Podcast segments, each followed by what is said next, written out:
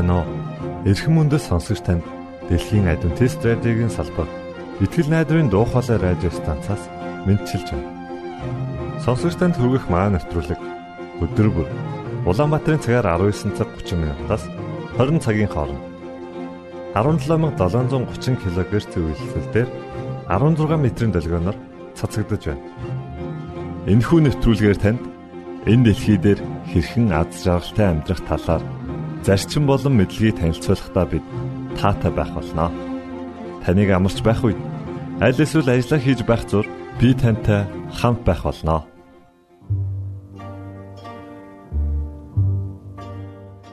Өнөөдрийн нэвтрүүлгээр танд итгээд даг хэмэх сайхан дуу хүргэж байна. Үүний дараа та өөрийгөө байлдан дагуулагч болгон хөгжүүлэх хэмэх цорол нэвтрүүлгийг сонсох болно та бүхэн таалан сойрхноо.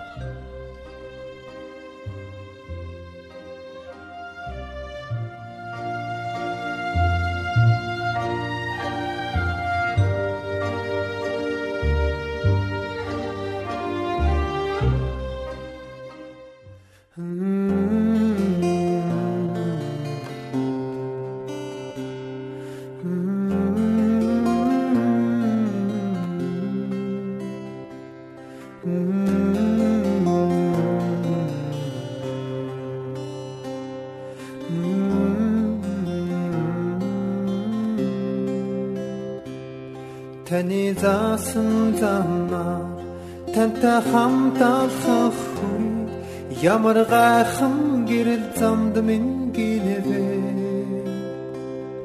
Таны хүслийг үйлдэж танд итгэж дагах үед бидний дэргэд хамт байсаар байдаа Есүстэй хамт баяр хориг мэдрээ Өөр ямар ч зам энд байхгүй. Зөвхөн итгэж та. Гэхдээ тэглийн тэр зам сатотгор их байдаг. Халуун хайрыг тань яаж тэд мэдэх вэ? Гэрэлт найдвар дотороо аялаж байгаа хүн бүр таны бэлсэн баяр баясгаланд орно. Есүстэй хамт баяр хориг мэдрээ өөр ямар зам энд байхгүй зөвхөн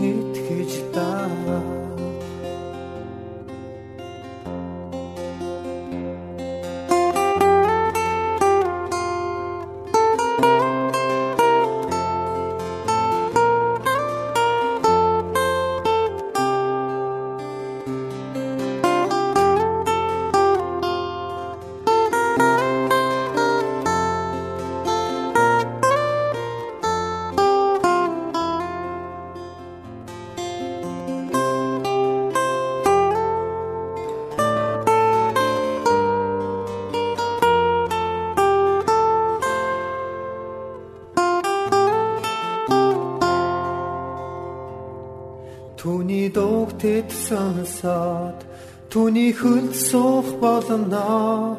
Тэгээд эргдэн алхаж ярилцах болно.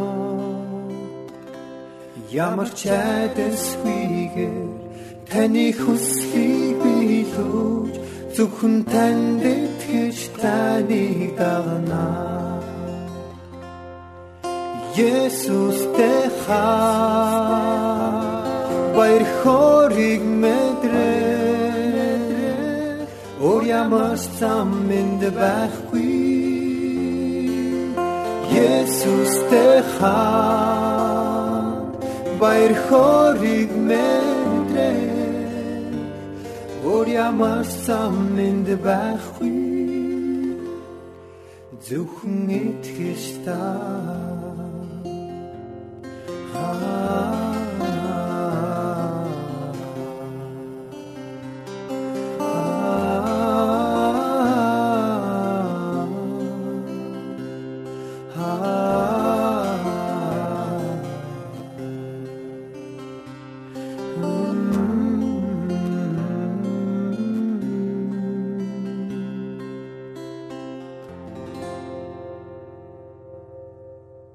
Сайн байцгаана уу сонсогчдоо. Өөрийгөө байлдан дагуулагч болгон хөгжүүлэх цоврал нэвтрүүлгээр эргэн уулзж байгаадаа баяртай. Бид таван зарчмыг судалж буйлаа.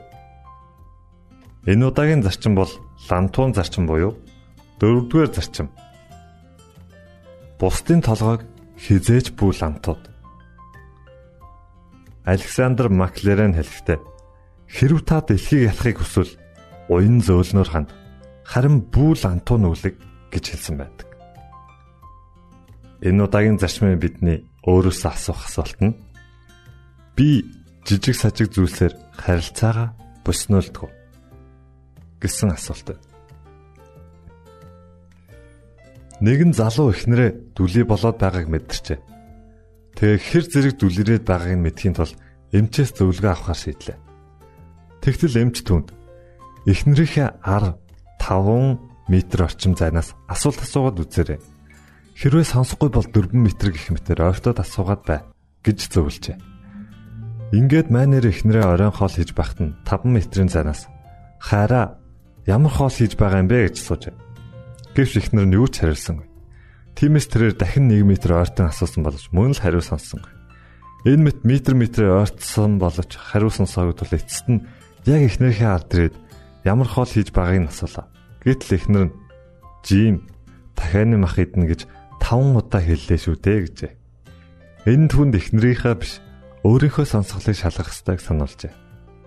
Би эхнэр Маргариттайгаа 1969 оны 6 сард гэрэлсэн.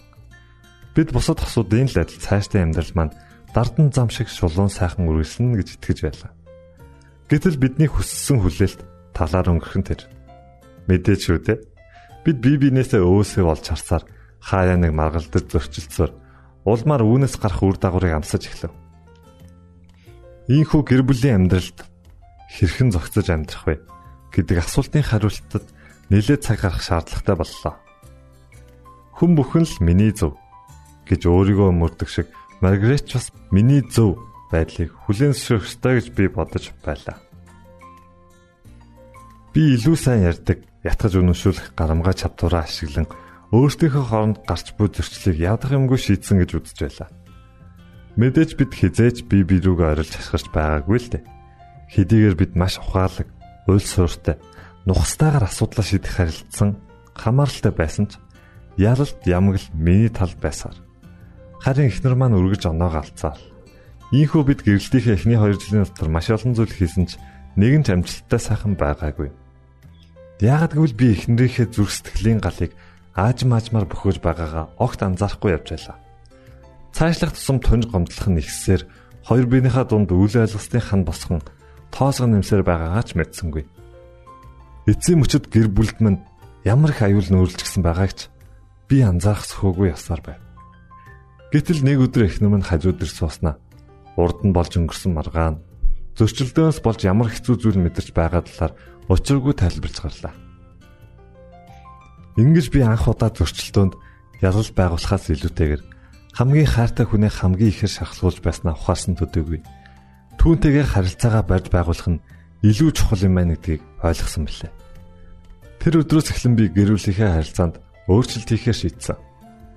Зөв хандлагатай байна гэдэг нь зөв хариулт өгөхөөс ч илүү чухал гэдгийг ухаарсан минь намайг илүү уян хатан болгож ёстой л долоо хэмжээс нэг охлох гэдэг зарчимд сургасаар байлаа. Ингээ бидний хооронд үл ойлгослын хан нурж харин хайрын гүр баригдаж эхэлсэн юм. Тэр цагаас хойш би хэн нэгэнтэй зөрчилдөх зүйл гарвал эрүүл ухаанаар харж эвэйг хичээн зохицуулдаг болсон. Хэрвээ надад ланту байсан бол хүүхэд эцэг эхийнхээ үгэнд дуулуурыг хандаж залхууран хоригших үед алган бовны амт мэдрүүлснээр дуулууртай идэвхтэй болдог. Энэ хүүхэлдэйн киноны баатар Кельвинтэй адилхан юм. Кельвин залхуу дуулуургүй хүмүүсийг урагш ахиулахын тулд миний амбаартал тэдэнд хэрэгтэй. Тиймээс ийм бизнес хийж байна гэжээ.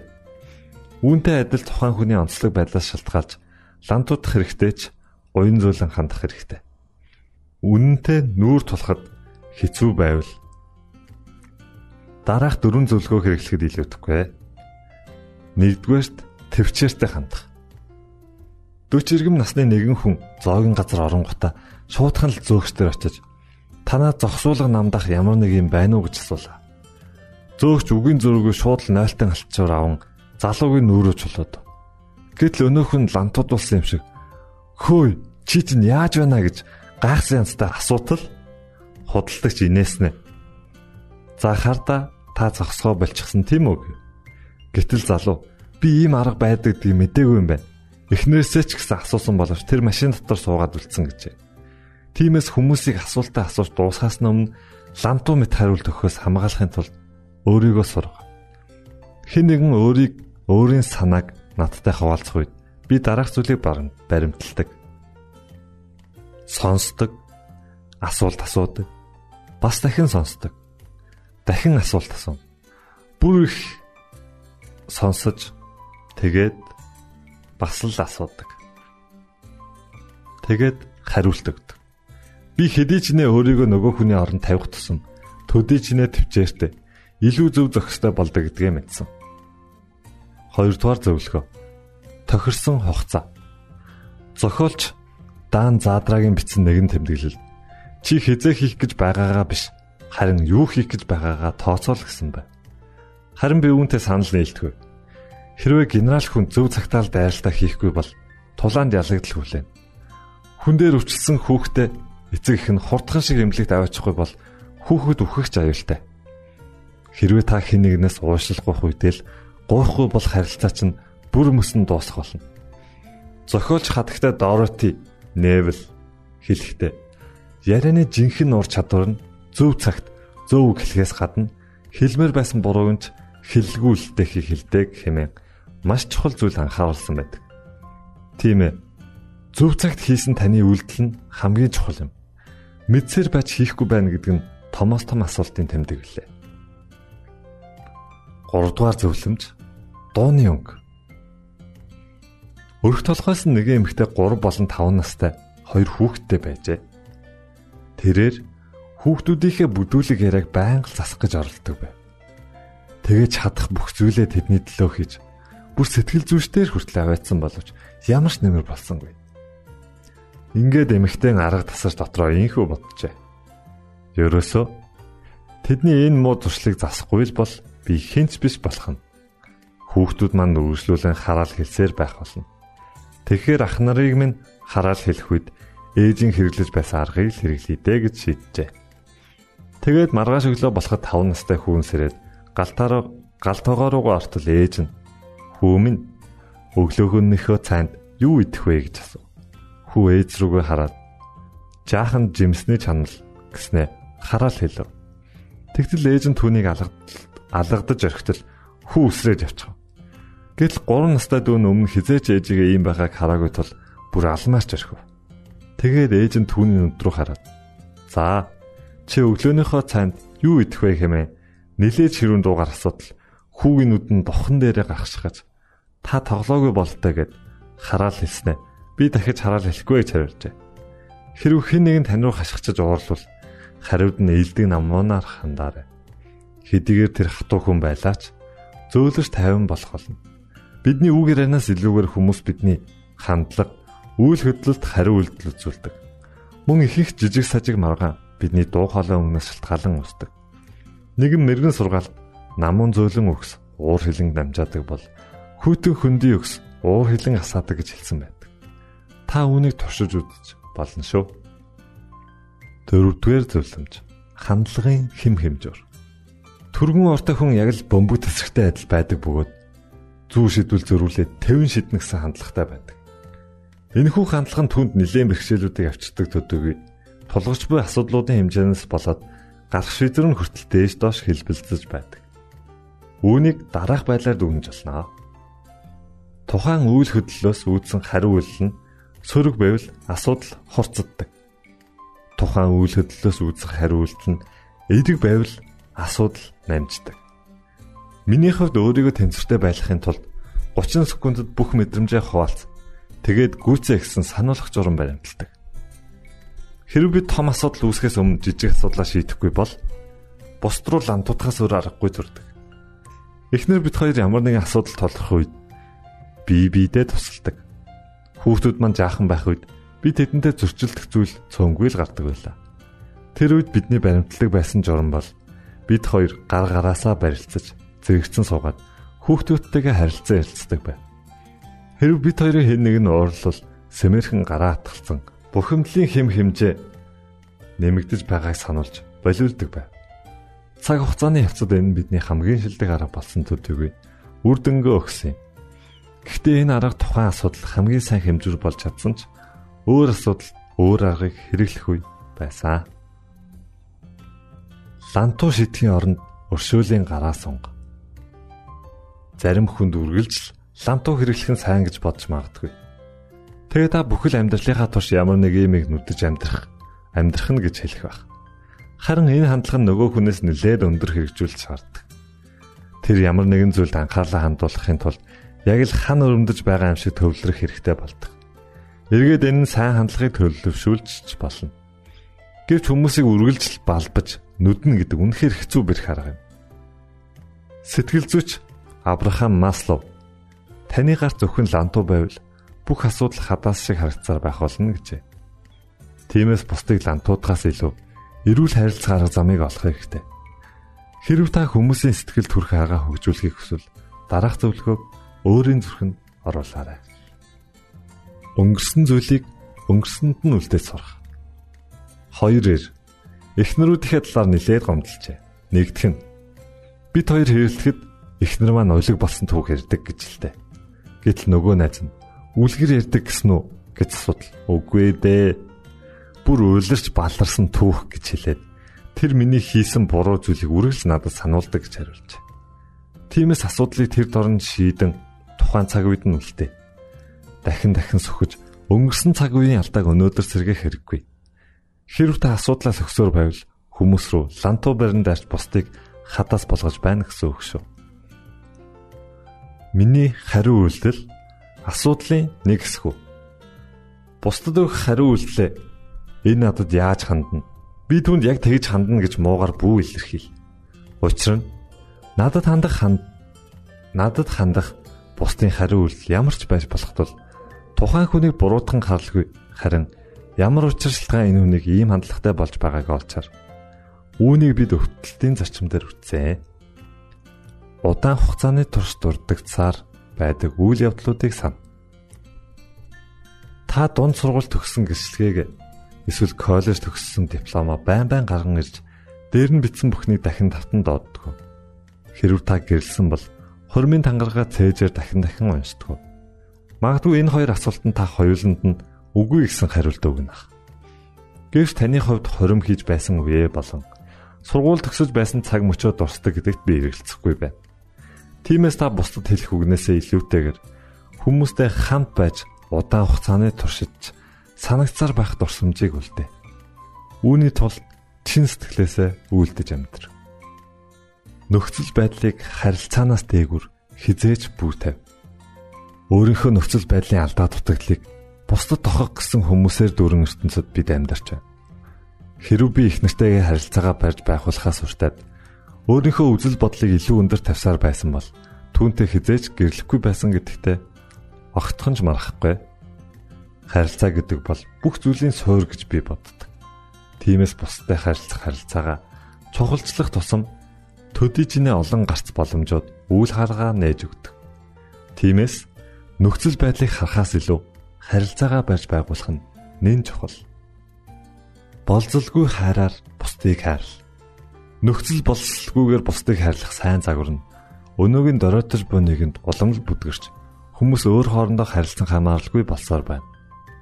Нисгэгч Джон Вайт бусдад хандах хандлагынхаа талаар өөрийн хүсэл зоригийг илэрхийлэхдээ бид хайр тараагчд учир нь хүн бусдыг хайрлах үед тэднийг хизээж үзэн ядч чаддгүй. Ийхүү бид тэднийг хайрлвал альва муу зүйлс бүтлгүүдэл хорсол гомдол нуран ундаг. Тиймээс бусдын гин бурууг зарлаж улыг нь шагааж байхын оронд нөхцөл болцолгүйгээр хайрлал тэдэнд илүү нөлөөлж чадна хэмээжээ. Буруу зүйлийг хүлээн зөвшөөрч уучлахгүй. Чикаго дахь нэгэн клубын гишүүн Ол Капони та илдэг сайхан үг тарих тусам илдэг сайхан үг хураан авах болно гэж хэлжээ. Юутай танд хэлэх маш чухал үг бол Уучлалт гэдэг хамгийн сайхан зүйл гэж хэлж байхдаа би өөрөө ч гэсэн баяртай. Та бусд руу илбрэлт гараа сунгахын оронд лантуу нүлгэж байна гэдгээ ухаарах мөчөд бурууга хүлээн зөвшөөрч уучлалгүйх нь хамгийн сайн арга болдог. Энэ таныг үе олон гэмнүглээс далж өгдөг. Та яг энэ бүлгийг уншиж байтал найз чинь эсвэл тантай хамт ажилладаг хэн нэгэн санаач нь орж иж болох юм. Хэрв та түүнийг лантуутаар зөхиж байсан бол төр хүлээгээд өөрлөгөө нэг өнгийн хараарай. Түүн таны илбрэлт гар гарцаагүй хэрэгтэй байгааг харах болно. Хүмүүр тулгардаг асуудал бол тэд цаг үргэлж лантуу хэрэглэж байдаг гэдгээ мэдэхгүй л байгаа юм. Майк Хэмэх банкны хөрөнгө оруулагч залуу лантуу шидэж байсан тул үүнээс гарах гарц олохын тулд ерөнхий дасгалжуулагч Goldstein-ээс өөртөө туслахыг хүсв. Тэрээр өөрийгөө түнд гадаа бол эрэлхийг дайчин боловч гэртээ нохоо харсан муур шиг л хүн гэжээ. Тэгтэн Goldsmith түнд эхнэр рүүгээ залгаад өөрийг нь хэрхэн дүүнж байдаг талаар асуу гэж зөв. Гэтэл эхнэр нь түүнийг тэр гэртээ арслан бар шиг л байдаг гэж хэлсэнд түүнийг мэйл гайхаж цэл хөхрүүлж орхижээ. Хүүхдүүд нь ч хүртэл ээжийнхээ эснийг батлсан тул эцэст нь Майк өөрийнхөө үнэн байдлыг хүлээн зөвшөөрчээ. Ингээд Goldsmith хамаг байдаг хүмүүс чинь тойл барьсантай адил. Тэд танд харж байгаагаа л хэлэх болно. Та тэдэнд итгэхгүй байлаач үнэндээ танд хайртай учраас л үннийг хэлдэг. Хэрв та үнийг үргэлжлүүлсээр байвал таны эргэн тойрны хүмүүс хадастай адил болох болно гэж зөвлөжээ.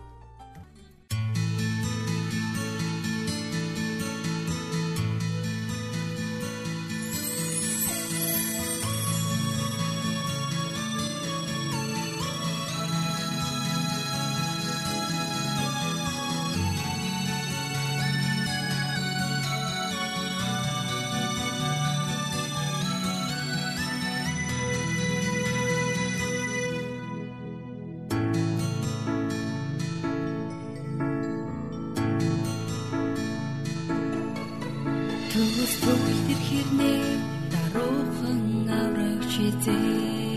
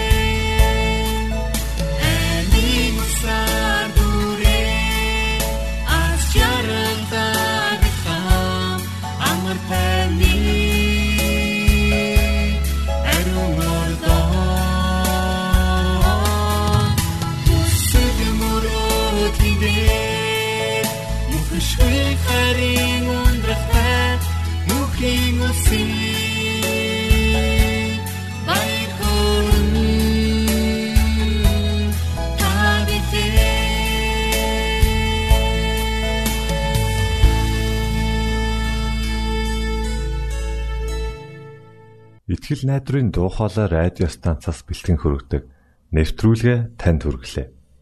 Хэрв та энэ өдрийн нэвтрүүлгийг сонсож амжаагүй аль эсвэл дахин сонсохыг хүсвэл бидэнтэй дараах хаягаар холбогдорой. Facebook хаяг: Satiin усгээр Монгол заавад AWR Имейл хаяг: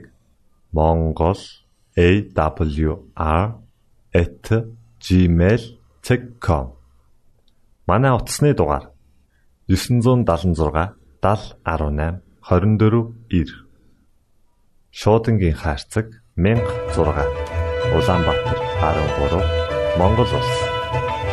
Биднийг сонгон цаг зав аваад зориулсан танд баярлалаа. Бурхан таныг ивээх батугай